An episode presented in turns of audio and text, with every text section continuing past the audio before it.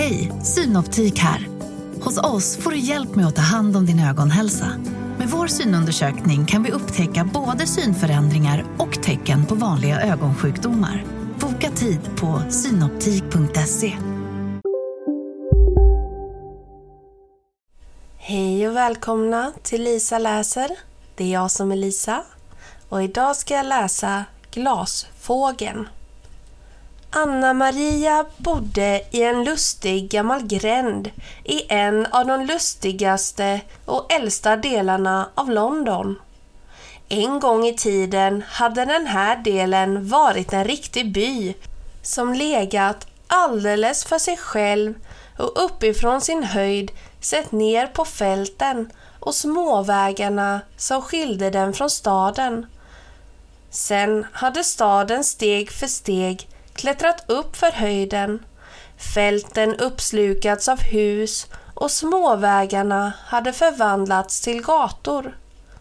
Men kullen, den var så brant och vägarna dit upp så slingriga att inte ens staden kunde svälja byn när den kom fram till toppen. Det var alldeles för stort besvär att bygga om alla de små, lustiga, trånga avtagsvägarna till breda gator och därför lämnades en del av dem kvar i sitt gamla skick och en av dem som lämnades kvar var den gränd där Anna-Maria bodde. Det var en tvärgränd som gick mellan två breda gator. En väg för fotgängare men inte för vagnar och bilar. De båda stora gatorna strålade samman lite längre fram så det fanns ingen anledning att förvandla Anna Marias gränd till en genomfartsled för trafiken. Därför fick den förbli en kullerstensbelagd, trång liten gata med fattiga ruckel och några få anspråkslösa butiker på vardera sida. Eftersom det fanns trottoarer på den men ingen motortrafik blev det en naturlig lekplats för barnen som bodde där. Även för gränderna alldeles i närheten brukade barnen komma för att leka i, i Mellins gränd. Positivspelaren som gick från den ena stora gatan till den andra brukade också ibland ta sig en avstickare till den lilla gränden. En dag då han kom förbi stod en liten skara barn skockade runt den lilla karamellbutiken som sålde lysande karameller för två och ibland bara för ett öre. Butiken hade ett gammalt utbyggt fönster som nådde nästan ända ner på trottoaren. Och det gick ner ungefär lika långt som en liten flickas kjolkant och gick upp ungefär i höjd med en vuxen mans krage. För att komma in i butiken måste man gå ner för tre små trappsteg som ledde in i ett mörkt litet rum. Ingen av barnen hade några ettöringar den dagen utom Anna-Maria och hon hade en hel femöring. Hennes lillebror Willy klängde sig fast vid handen som hon höll slanten i och talade om för henne vilka karamellsorter han tyckte bäst om av de som stod i burkarna i fönstret. Han kände sin Anna-Maria och det gjorde de andra barnen också. Jag tycker om eh, lakritsrullarna, sa Willy. Och jag tycker om den där randiga konfekten, sa Mabel Baker. Och jag, jag tycker om de sega vita och skära råttorna där borta, sa Willy. De där hårda, runda karamellerna är väldigt goda, påpekade Doris Gardner. Och chokladråttorna, fortsatte Willy. Och eh, jag tycker om de där eh, långa polkagriskäpparna och de där chokladbitarna med, med skärt inuti. Pärondroppar, mumlade Kitty Farmer. Och, och de där eh, med vitt inuti, sa Willy. Medan Anna-Maria stod och grubblade och grubblade på hur hon skulle få sin femhöring att räcka till alla fick hon plötsligt syn på positivspelaren och utropade Oh! Ett positiv! De andra barnen vände sig om. Spela en visa för oss farbror, skrek de. Spela en visa! Positivspelaren skakade på huvudet. Jag har inte tid idag, skrek han. Anna-Maria gick fram till positivspelaren och log mot honom och ryckte honom lite i rocken.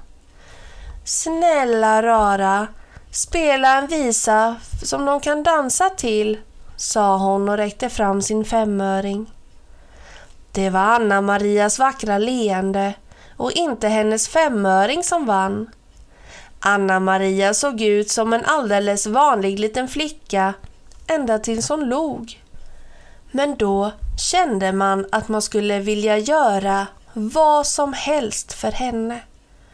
Det var därför att Anna-Maria själv alltid var villig att göra vad som helst för vem som helst. Det kom fram i hennes leende och hon fick det tillbaka, så att säga, genom att det blev som hon önskade. Hela dagen genom kunde man höra hennes namn ropas i Mellins gränd. Anna-Maria! Jonny har trillat och slagit sig. Anna-Maria! Kom med detsamma! Bobby och Joan slåss alldeles rysligt. Anna-Maria! Bu! Min docka har gått sönder. Det kunde också vara en äldre röst. Anna-Maria, håll ett litet öga på lillen medan jag bara kilar runt knuten. Ja, alla visste att Anna-Maria alltid skulle vara villig att blåsa på såret, göra slut på grälet, laga dockan och vakta babyn. Hon var inte bara villig till det, utan hon kunde göra det också, därför att alla gjorde vad hon ville att de skulle göra. Positivspelaren, han nekade alltså att ta emot hennes femöring och stannade och spelade tre melodier för hennes lilla leendes skull. Barnen fick sig en lustig dans för ingenting och Willy fick en lakritsrulle för ett öre. Återstoden av Anna-Marias femöring gick till Sockergryn och var och ett av barnen vette på fingret och dök ner i påsen. Det blev inte så mycket som en fingertopp full kvar åt Anna-Maria, så hon slet upp den lilla påsen och slickade ren med tungan. Efter den gången gjorde positivspelaren det till sin vana att alltid gå genom Mellins gränd på sin rundvandring och stanna utanför råttfångarens där den var som allra bredast och spela sina melodier. Barnen samlades där och dansade och då och då fick han en kopparslant för sin vänlighet. Men vare sig han fick det eller inte var han lika nöjd. Han kom alltid en gång i veckan. Julen närmade sig allt mer och de små butikerna i Mellins gränd började lysa upp. Karamellbutiken hade en fedocka i vit muslinsklänning med glitter på mitt i fönstret och några små pappersgirlanger och billiga leksaker uppenbarade sig mellan glasburkarna.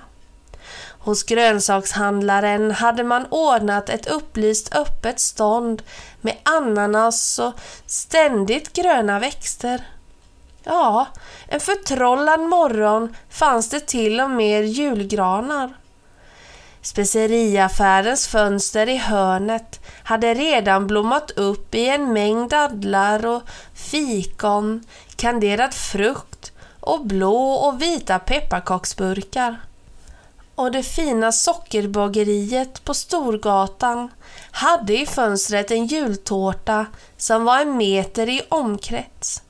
En stor platt glaserad botten täckt med rödhakesångare, väderkvarnar, snögubbar och en röd jultomte och en släde fylld med små, små leksaker. Den tårtan skulle så småningom skäras i bitar och säljas efter vikt. Och sakerna ovanpå följde med i tur och ordning för varje bit. Och lyckliga den som skulle få köpa jultomtens släde. Barnen i Mellingsgränd var redan i full färd med att välja ut sina älsklingsleksaker och kakor och frukter från de dignande fönstren och Anna-Maria och Willy valde med de andra. Det är klart att de aldrig på allvar trodde att de skulle kunna få fedrottningen, julgranen, den stora asken med kanderad frukt eller den fantastiska tårtan. Men drömma om det, det kunde de alltid. Och allt eftersom julen närmade sig började förhoppningarna om vad den verkligen skulle föra med sig bli allt blygsammare hos barnen. Bobbys mamma hade sagt åt honom att han gärna kunde hänga upp sin strumpa på julafton så fick han se sen. Det betydde någonting och hos Gardiner skulle de få en julkorg skickad till sig och Mabel Baker skulle få gå på julpantominen och Jacksons skulle till sin mormor i Lambeth och kalas för hela familjen. Och en skulle få det och en annan skulle få det. Allt eftersom julen kom närmre och närmre stod det mer och mer klart för Anna-Maria att den här julen skulle inte medföra någonting åt henne eller Willy. Och det gjorde den inte heller. Ända in i det sista fick de ut sitt nöje från butiksfönstren och de handlade allt sitt där. Anna-Maria knusslade aldrig med sitt julfönsterhandlande. Vad vill du ha Willy? Jag tar fedrottningen tror jag. Skulle du vilja ha de där tågen kanske? Ja, såklart, sa Willy. Och jag skulle också vilja ha fedrottningen. Kör för det! Du får henne. Jag tar den där speldosan. Och utanför sockerbagarens fönster blev det samma visa. Ehm, ska vi ha en stor tårta åt oss bägge? Eller en liten tårta var, Willy? En stor tårta var, sa Willy. Kör för det! Och de röda kexen med guldklockor på. Och så säger jag åt dem att de kan skicka med den stora tårtan också. Eller vad tycker du? Ja, såklart, sa Willy. Och jag får jultomten. Som du vill, du får honom. Utanför speceriaffären valde Willy ut den största asken med kanderad frukt. Och utanför grönsaksbutiken valde han den största ananasen. Men han lät sig nöja med en enda gran. Den största. Men Anna-Marias slösande givmildhet med pengar fanns det verkligen fullt upp med saker till de båda och till vem de måne och hade lust att titta in på juldagen. Den kom och den gick förbi. Fönstren började tömmas på sina prydnader som lades undan till ett annat år. Mabel Baker gick på julpantominen och berättade allt om den för dem. Anna-Maria drömde om den i flera nätter hon tyckte att hon var en mycket lycklig liten flicka som hade en vän som gick på pantominteatern. Livet fortsatte i sina gamla spår.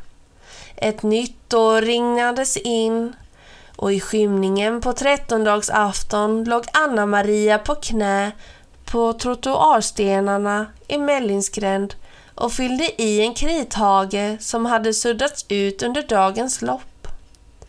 Hon råkade vara det enda barnet ute som var och lekte. något som sällan brukade inträffa där. Hon hörde fotsteg bredvid sig, men hon tittade inte upp en enda gång. Men just som de gick förbi hörde hon ett litet svagt plingande i takt med stegen. Då tittade hon upp. En kvinna som bar något högst förunderligt i sina händer var långsamt på väg genom gränden. Wow! flämtade Anna-Maria till. Kvinnan stannade. Hon bar på en liten julgran. En mycket liten gran. Enkronastorleken. Men en sådan underbart strålande liten gran. Den glittrade och tindrade av alla de sötaste små julgransprydnader i glas som kunde tänkas. Små gaslyktor och ljusbehållare. Skinande kulor i alla regnbågens färger. En jultomte i rött och silver. Även han i glas. Kedjor och girlanger av guld och silverpärlor. Stjärnor och blommor och långa kristallklara droppar som påminde om istappar. Där fanns fåglar också. Blåa och gula fåglar som tycktes flyga och en som var stoltast och vackrast av dem alla. En glasfågel som skimrade i guld och blått och grönt med en kam och en lång, lång stjärt av fint spunnet glas som såg ut som silke. Oh, flämtade Anna-Maria. En sån julgran. Då gjorde kvinnan någonting som man aldrig skulle kunna drömma om. Hon gick rakt fram till Anna-Maria och sa Vill du ha den? Anna-Maria stirrade på henne och log ett långsamt, långsamt leende. Damen satte den glittrande lilla granen i händerna på henne. Den här, sa hon, hade jag tänkt att ge åt den första lilla flicka som sa O. Och du är den lilla flickan. Anna-Maria började fnittra. Hon kunde helt enkelt inte säga tack så mycket. Hon kunde bara fnittra och fnittra. Men hennes leende förvandlade hennes fnitter till det mest förtjusande skratt. Och det var precis som om den sa Tack så mycket ovanpå allt sammans. Damen skrattade och försvann från Mellins gränd. Willy uppenbarade sig i hennes ställe. Vad är det där för något? Det är en julgran. En tant gav den åt mig. Willy skuttande tjutande ner för gränden. Anna-Maria hade fått en julgran som en tant gav henne. Barnen kom springande från alla håll. Den skockade sig runt granen, tittade, rörde vid den och beundrade den. Deras orn hördes med jämna mellanrum. Oh, titta fåglarna! Det ser ut som att de flög. Kan man tända gaslyktorna på riktigt, Anna-Maria? Åh, titta! Är inte den blomman vacker? Vad ska du göra med den, Anna-Maria? Jag ska ha den bredvid sängen i natt och imorgon ska jag ha bjudning. Längtande blickar riktades mot henne. Får jag komma, Anna-Maria? Får jag? Och jag? Nej, kan du väl låta komma? Kan du inte det, Anna-Maria? Ni får allesammans komma, sa Anna-Maria. Den natten, den enda lycksaliga natten, lyste den lilla granen i all sin skimrande prakt över Anna-Marias drömmar.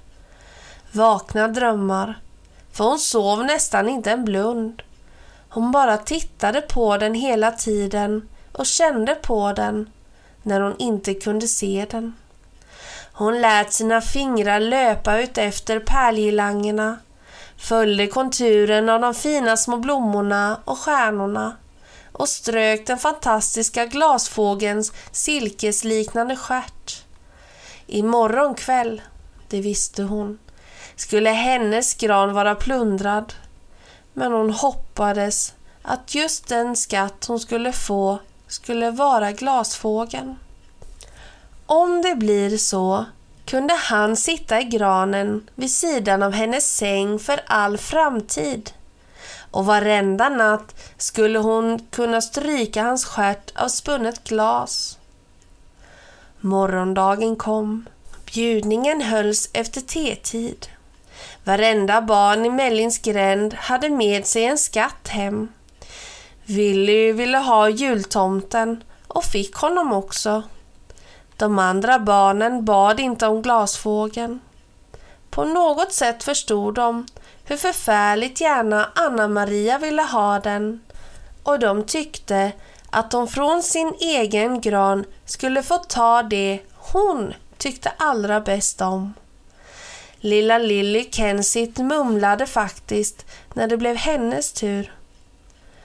Jag skulle gärna vilja ha den spunna glasfå men hennes storebror satte handen för hennes mun och sa bestämt Lilly skulle vilja ha rosen Anna-Maria. Titta Lill, den har diamant i mitten. Åh, oh, sa Lill girigt. Så när bjudningen var över och de torra barren från den tomma granen droppade ner på bordet hade Anna-Maria kvar i sin ägo den förtrollande fågeln som hon så gärna velat ha. När hon kom för att stoppa Willy i säng fann hon honom bittert snyftande. Vad är det fatt, Willy? Jag har slagit sönder min tomte. Åh, Willy, det kan inte vara sant. Jo, det är sant. Willy var otröstlig. Gråt inte, Willy. Jag vill ha din glasfågel. Ja, som du vill. Du får den. Gråt inte bara. Anna-Maria gav Willy sin glasfågel. Han snyftade sig till söms med fågeln tätt tryckt intill sig under natten tappade han den ur sängen. Anna-Maria hörde hur den gick i kras där hon låg bredvid sin tomma lilla gran. Hela natten igenom kände hon den stickande doften från julgranen i näsborrarna och hörde det svaga ljudet från barren som droppade ner på golvet. Och i drömmen föresvävade det alla barnen i Mellingsgränd något underbart. En fågel eller blomma eller stjärna av färgat glas. Något som skulle räcka kanske en enda dag eller en vecka. Några månader, ett år eller rent av många år. Och snipp, snapp, snut så var sagan om glasfågeln slut.